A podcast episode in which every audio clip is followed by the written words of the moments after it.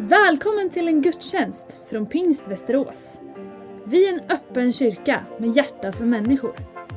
Vår bön är att gudstjänsten ska uppmuntra dig och att du får lära känna Gud lite bättre. Varmt välkommen!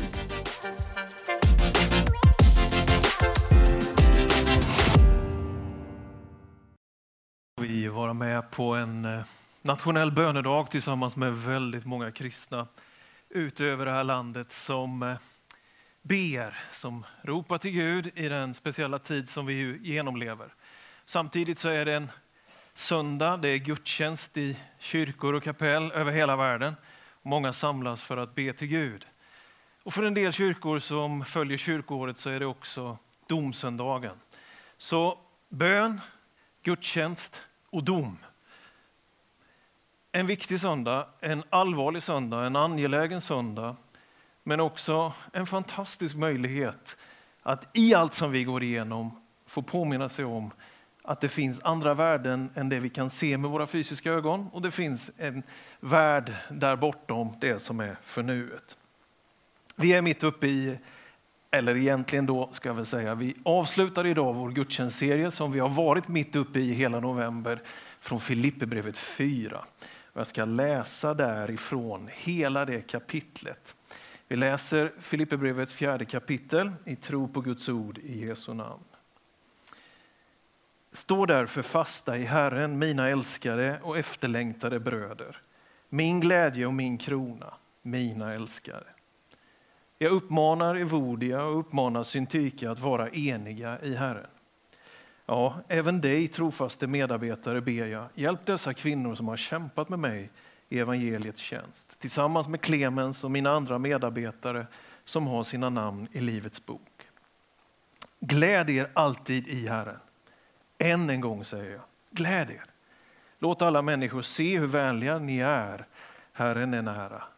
Bekymra er inte för något, utan låt Gud få veta alla era önskningar genom bön och åkallan med tacksägelse. Då ska Guds frid som övergår allt förstånd Bevara era hjärtan och era tankar i Kristus Jesus. För övrigt bröder, allt som är sant och värdigt, rätt och rent, allt som är värt att älska och uppskatta, allt som kallas dygd och förtjänar beröm, tänk på allt sånt. Det ni har lärt och tagit emot, hört och sett hos mig, det ska ni göra. Då ska fridens Gud vara med er. Det har glatt mig mycket i Herren att er omtanke om mig till slut fick blomma upp. Visst tänkte ni på mig tidigare också, men då hade ni inget tillfälle att visa det. Jag säger inte att jag har saknat något, för jag har lärt mig att vara nöjd med det jag har. Jag kan leva enkelt, jag kan också leva i överflöd. Med allt och med alla förhållanden är jag förtrogen. Att vara mätt och att vara hungrig, att ha överflöd och att lida brist. Allt förmår jag i honom som ger mig kraft men ni gjorde väl som hjälpte mig i mitt svåra läge. Ni Filipper vet också hur det var under evangeliets första tid när jag hade lämnat Makedonien. Ni var den enda församling som hade sån gemenskap med mig att man kunde föra bok över givet och mottaget. Även när jag var i Thessaloniki skickade ni både en och två gånger vad jag behövde. Inte så att jag söker själva gåvan, utan vad jag söker är att ni ska få en riklig frukt av gåvan ni ger. Jag har fått allt och det är i överflöd. Jag har mer än nog nu när jag genom Epafroditus har fått er gåva, en ljuvlig doft, ett välbehagligt offer som Gud tar emot med glädje. Så ska min Gud efter sin rikedom på ett härligt sätt i Kristus Jesus ge er allt ni behöver. Vår Gud och Far tillhör äran i evighetens evighet. Amen. Hälsa alla heliga i Kristus Jesus. Bröderna här hos mig hälsa till er. Alla de heliga, särskilt de som hör till kejsarens hus, hälsa till er. Herre Jesu Kristi nåd vare med er ande. En ganska lång text, men jag hoppas du känner när du lyssnar till bibelordet att det har en rytm, det har en ton. Det finns ett sound i Guds ord som går igenom hela tiden, som hjälper människan att påminna sig om Guds närvaro, om Guds godhet. Vi har sagt det under de här söndagarna att det här brevet är skrivet när aposteln sitter i fängelse. Så även om det finns de här lite kanske klatschiga uppmaningarna, gläd dig, var glad. Han till och med påminner om det för att vi riktigt, riktigt ska ta det till oss. Så kan det kännas lite, ja lätt för honom att säga, kanske du tycker om du har någonting som är kämpigt just nu. Men faktum är ju att han själv var under ganska svåra förhållanden. Då har vi levt i år 2020 med ett halvår och det lär ju bli mer med ganska mycket begränsningar. Vi har levt med olika siffror för allmänna sammankomster och det har påverkat inte minst våra församlingar. Det har påverkat vår församling här i Västerås, det påverkar er uppe i Mora som är med idag i Hope Church som vi är superglada för och alla kyrkor av alla snitt över hela världen. Så märklig situation. Och här i Sverige har vi haft siffror om 500, vi har haft om 50 och 300 och nu har vi 8. När jag hör siffran 8 så är man väl lite arbetsskadad av sitt grävande i Bibeln genom åren och sitt predikantskap. Då tänker man på Noa och hans familj. De var ju åtta när det vände och arken strandade när vattnet sjönk undan och de fick börja om igen. Det är väl min bön den här söndagen att det skulle vara så med de där åtta att nu är vi på den lägsta nivån och nu vänder det. Så då är det väl fint att vi är många över Sverige som ber till Gud. Ja, men det här kapitlet då, för att gräva lite grann i den här texten. Ja, men det handlar om att aposteln Paulus i det tredje kapitlet har talat om att ja, men den bräckliga kropp vi har, den ska förvandlas. Det som är nu ska bli något annat framöver. Och därför när han inleder det fjärde kapitlet så säger han, stå därför fasta. Han hämtar motivation för dem att vara uthålliga i bön, att vara uthålliga i sin tro, i sin vänlighet, i sin kärlek, i sin glädje. Hans motivation för dem att göra detta, att leva ut detta, handlar inte om perfekta förhållanden, om hälsa och rikedom, fred och frihet, utan det handlar om det finns ett hopp där framför. Det finns någonting som är förberett. Det finns någonting som blir bättre. Det finns någonting som kommer utvecklas på ett så fantastiskt sätt. Ge inte upp, stå fast. Och jag tror att vi, jag behöver den, kanske du behöver den uppmaningen idag. Stå fast, stå fast i Jesus. Det är inte så lätt att stå fast i ekonomin eller hälsan. Det är mycket lidande. Det är svåra begränsningar. Men det finns en möjlighet att stå fast i Jesus Kristus. Så i den här avslutningen av det här brevet, precis som i många av Paulus brev, så kommer personliga hälsningar och uppmaningar. Det är liksom lite sms och lite julkort och lite eh, glädjefulla tillskrivna rop i de här breven, men också lite sådär allvarliga förmaningar. Så är det de här två kvinnorna i församlingen då som verkar vara lite grann osams. Då kan man ju tänka så här om man vill vara elak, då kan man säga ja, typiskt att de ska fightas. Ja, så kan man ju vända på det så kan man säga varför tar Paulus i ett sånt här brev upp de här två personernas namn? Jo, han tar upp det tror jag beroende av att de har stor betydelse. De har stort inflytande. Det är angeläget för aposteln Paulus. De är hans medarbetare de här två kvinnorna. De betyder jättemycket för församlingen i Filippi och de betyder mycket för aposteln Paulus. Och när han har liksom stärkt upp den här processen och uppmanat dem till att försöka hitta enighet i Jesus även om de har olika åsikter. Så sägs det ju sen därefter så kommer det här, var glad i Gud. Jag tycker det är så på något sätt trösterikt och uppmuntrande att Bibeln är så transparent, den är så ärlig.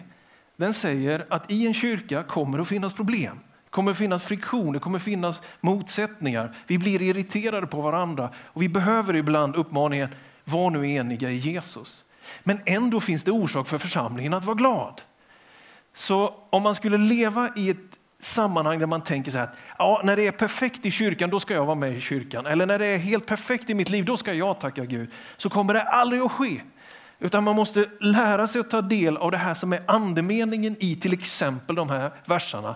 Ja, det finns problem, men ja, det finns en god Gud. Och det finns alltid en fortsättning på det som har varit en motsättning. Vi får aldrig någonsin ge upp det här. Det finns så många fel att hitta, det finns så många som vill belacka och kritisera och det ibland är av nöden och det är på riktigt. Men ibland kan det där gå över också till en slags självdestruktiv kritik där du ser ner på din egen tro, där du börjar se ner på andra människors tro, kanske ser ner på din egen kyrka eller på andra kyrkor. Vet du, då är du på ett sluttande plan som är riktigt farligt. Vi kan behöva uppmaningen, Daniel skärp dig, var enig i Jesus med den och med den och med den. Absolut att jag behöver, men jag behöver också få höra, gläd dig Daniel i Jesus Kristus. Det finns en slags helhetstänkande i detta som inte blundar för det som är svårt men som inte fastnar i det som är svårt. Som inte definierar kyrkan av att det finns en splittring eller en konflikt som i det här fallet utan definierar kyrkan i en större verklighet. Jag tror att vi behöver lyftas till detta och stå fasta i Jesus Kristus. Så han får säga två gånger, och nu säger jag det två gånger till dig också. Du kan vara glad i Jesus idag, mitt i omständigheterna, till och med mitt i friktion och konflikter. Än en gång säger aposteln Paulus, var glad. Så de här viktiga personerna, det väckte Paulus engagemang att skriva. Det handlar alltså inte om att vi ska dra slutsatser. Ah, de, tänk att inte de kunde hålla sams. Jag tror vi snarare ska läsa sådana här bibelverser och tänka, var finns det som jag kan upp ett, nivå, ett hack i nivån och faktiskt bevisa att jag vill i Jesus söka det som är enhet. Det är ju inte enkelt. Det var det säkert inte i det här fallet heller. Kyrkan är inte primärt en åsiktsgemenskap utan vi är primärt en troende gemenskap. Och vi måste hålla det primära i fokus för det som är sekundärt är viktigt och det påverkar oss. Och det kommer säkert att finnas också imorgon. Men vi behöver de här grundläggande påminnelserna om vilka stjärnor vi faktiskt navigerar efter. Så mitt i det märkliga året, det svåra året, så kan vi ändå säga till varandra, till och med på domsöndagen, gläd dig och gläd dig i Jesus. Ja, men om det nu låg härlighet framöver så ligger det också dom framöver. Idag är domsöndagen enligt kyrkoårets texter. Ordet dom är skrämmande. Ordet dom kan göra att man tänker, kommer jag klara detta? Ska jag stå inför Gud en dag och berätta allt vad jag har gjort? På 1600-talet så fanns en Eh, en skald, en författare, en lyriker som, som jag bara läst lite grann av den här veckan. Jag tycker jag vill påminna mig om det han kommer fram till. Han, han kallar sig själv för Lasse Lucidor, Lasse den olycklige. Men han skriver en strof som jag tror man ska ta till sig både när man läser Filipperbrevet och uppmanas att vara enig i Herren och glad i Herren så ska man ta till sig det när man tänker på alla sina nederlag, brister, allt man skäms för. Jo, Lasse Lucidor han skriver, själv insikten finns det att han har gjort många fel. Och så, så skriver han så här. Men den trösten jag ej glömmer, att min broder Jesus dömer. Så du har en enhetskälla i Jesus, du har en glädjekälla i Jesus. Och han som är din och min frälsare, samma person är vår domare en dag. Den dag vi ska stå inför Gud och göra räkenskap för vårt liv får vi aldrig någonsin glömma dagarna fram till dess att vi kommer att ha en domare som är vår frälsare. Men den trösten jag ej glömmer, att min broder Jesus dömer. Ta det till dig. Jag tror att Lasse Lucidor var väldigt biblisk och evangelisk i detta. Så går aposteln vidare i sitt brev och så talar han om att de ska inte bekymra sig utan be istället. Det är som att bekymrandet, oroandet, ängsligheten kan botas av en enda sak. Vi väntar på vaccin emot viruset. Det finns ett vaccin emot bekymrarna. Och det låter kanske klichéigt för att komma från en predikant och en kyrka, men det är ju ändå det som finns i de här verserna. Och det är faktiskt att be sig fram genom sina bekymmer. Han säger bekymra er inte, utan låt Gud få veta era önskningar. Alltså bota dina bekymmer med bön. Det tar inte bort omständigheterna, vågskvalpen, sjukdomarna, relationsstörningar, allt det där som äter på oss. Det finns där, men inte mycket av det hjälps av att vi ständigt går omkring spända som fjädrar, är oroliga till definitionen, utan kan vara bedjande. Det är min rekommendation till mig själv den bönedag som är idag. Låt oss be till Gud när vi ser problem. Låt oss be till Gud när vi hör om människor. Låt oss agera i bön på ett sätt som förflyttar en ängslig kristen människa till en bedjande kristen människa. En kyrka som inte går omkring och är orolig utan som är bedjande och därmed hämtar ur en källa. Precis som vi inte alltid har glädjeämnen men ändå har en glädjekälla i Jesus. Precis som vi inte alltid har liksom perfekta omständigheter så har vi ändå alltid möjligheten att be oss fram genom hela våra liv. Be genom bön och åkallan med tacksägelse. Och då ska Guds frid som övergår allt förstånd bevara hjärtat och tanken, står det här. Friden är en annan substans än eh, mindfulness eller ett kognitivt tänkande. Friden från Gud är något annat. Det är en andlig substans ifrån Herren själv som kommer över dig. Och Faktum är att mycket av den transaktionen sker i bönerummet. När vi ber tillsammans, när du ber ensam, när du ber med många ord eller bara med en suck. Hur det än är så vill jag uppmuntra dig till att leva bedjande i allt det som är. Oavsett om du tänker att men jag ber inte. Jo, men du kan be där du är. Du kan be i ditt steg, du kan be i, din, i ditt hem och du kan be i det du rör dig i. Du kan vara bedjande och jag är övertygad om att han vill byta dina bekymmer och din oro mot sin frid. Fridens Gud ska vara med dig. Det som är värt att älska, det som är värt att uppskatta, det som kallas för dygd och förtjänar beröm. Tänk på det, säger han. Alltså det kan ju nästan lukta lite så här mindfulness, en del av strofen han skriver i Filipperbrevet 4 och på andra ställen också. Men det är ju faktiskt ett faktum att hur vi tänker avgör ganska mycket hur vi faktiskt uppfattar tillvaron. Om vi ständigt går och tittar ner, om jag tar en fysisk bild med vårt kroppsspråk, så, så, så, så är det någonting som det, det tynger vårt huvud, det blir tyngre och tyngre och tyngre. Att lyfta blicken hjälper oss ganska mycket. Det visar sig att det är rena hälsotecknet att vara en karismatiker och lyfta sina händer. Det är bra för både testosteron och mycket annat. Att man liksom visar någonting, man, man, man, man riktar sig uppåt istället. Det finns någonting i tanken som behöver få riktas uppåt för att någonting ska förlösas som också hjälper dig att oavsett det tuffa som är i alla dessa stormvågor, att ändå få blicken på de stjärnor vi navigerar efter.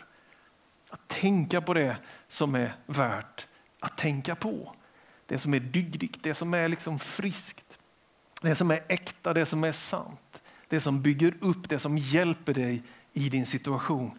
Försök att tänka på det i Jesus Kristus. Tankens betydelse ska inte underskattas. I Romarbrevet skriver Paulus om en förnyelse av tankarna. Det är så avgörande viktigt. Ja, så går han vidare och säger jag är jätteglad för ni har gett och det har funnits ett stöd och generositeten uppmuntras. Och det här är en väldigt generös församling och de stöttar aposteln Paulus i sin tjänst. Och han säger ja, ja, ibland har jag ju fått, ibland har han inte fått. Han hade nog fått lön vissa månader och andra inte. Och så säger han, jag kan leva fattigt, jag kan leva i överflöd, men jag blir styrkt och hjälpt och ni blir välsignade när ni ger. Han talar om för församlingen hur viktigt det är för dem att vara generösa. Jag söker inte gåvan, men jag söker den liksom välsignelse som utlöses när vi är generösa.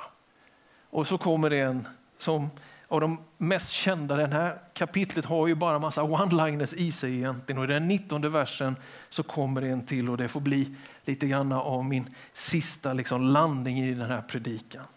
Så ska min Gud efter sin rikedom på ett härligt sätt i Kristus Jesus ge er allt ni behöver.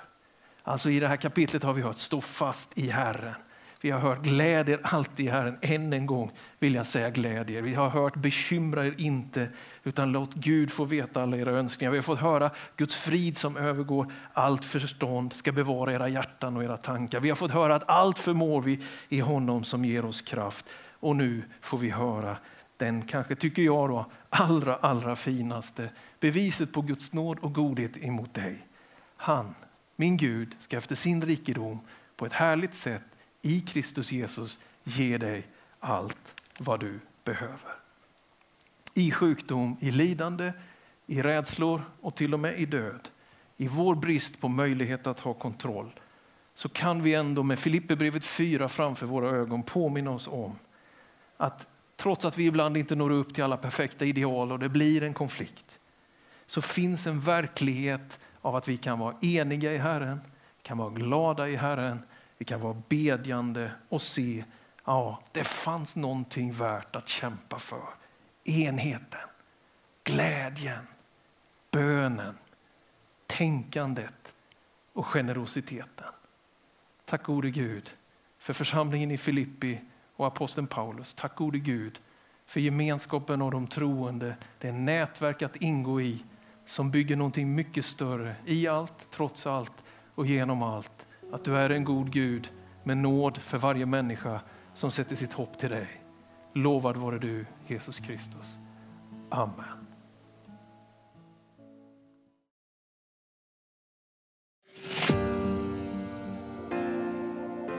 Du har lyssnat på en gudstjänst från Pingst Västerås. Har du frågor om församlingen eller vill veta mer om kristen tro kan du gå in på vår hemsida vasteras.pingst.se. Varje söndag firar vi gudstjänst tillsammans klockan 10.30. Välkommen att vara med via webben. Sök efter vår Youtube-kanal Pingst Västerås så hittar du livesändningen.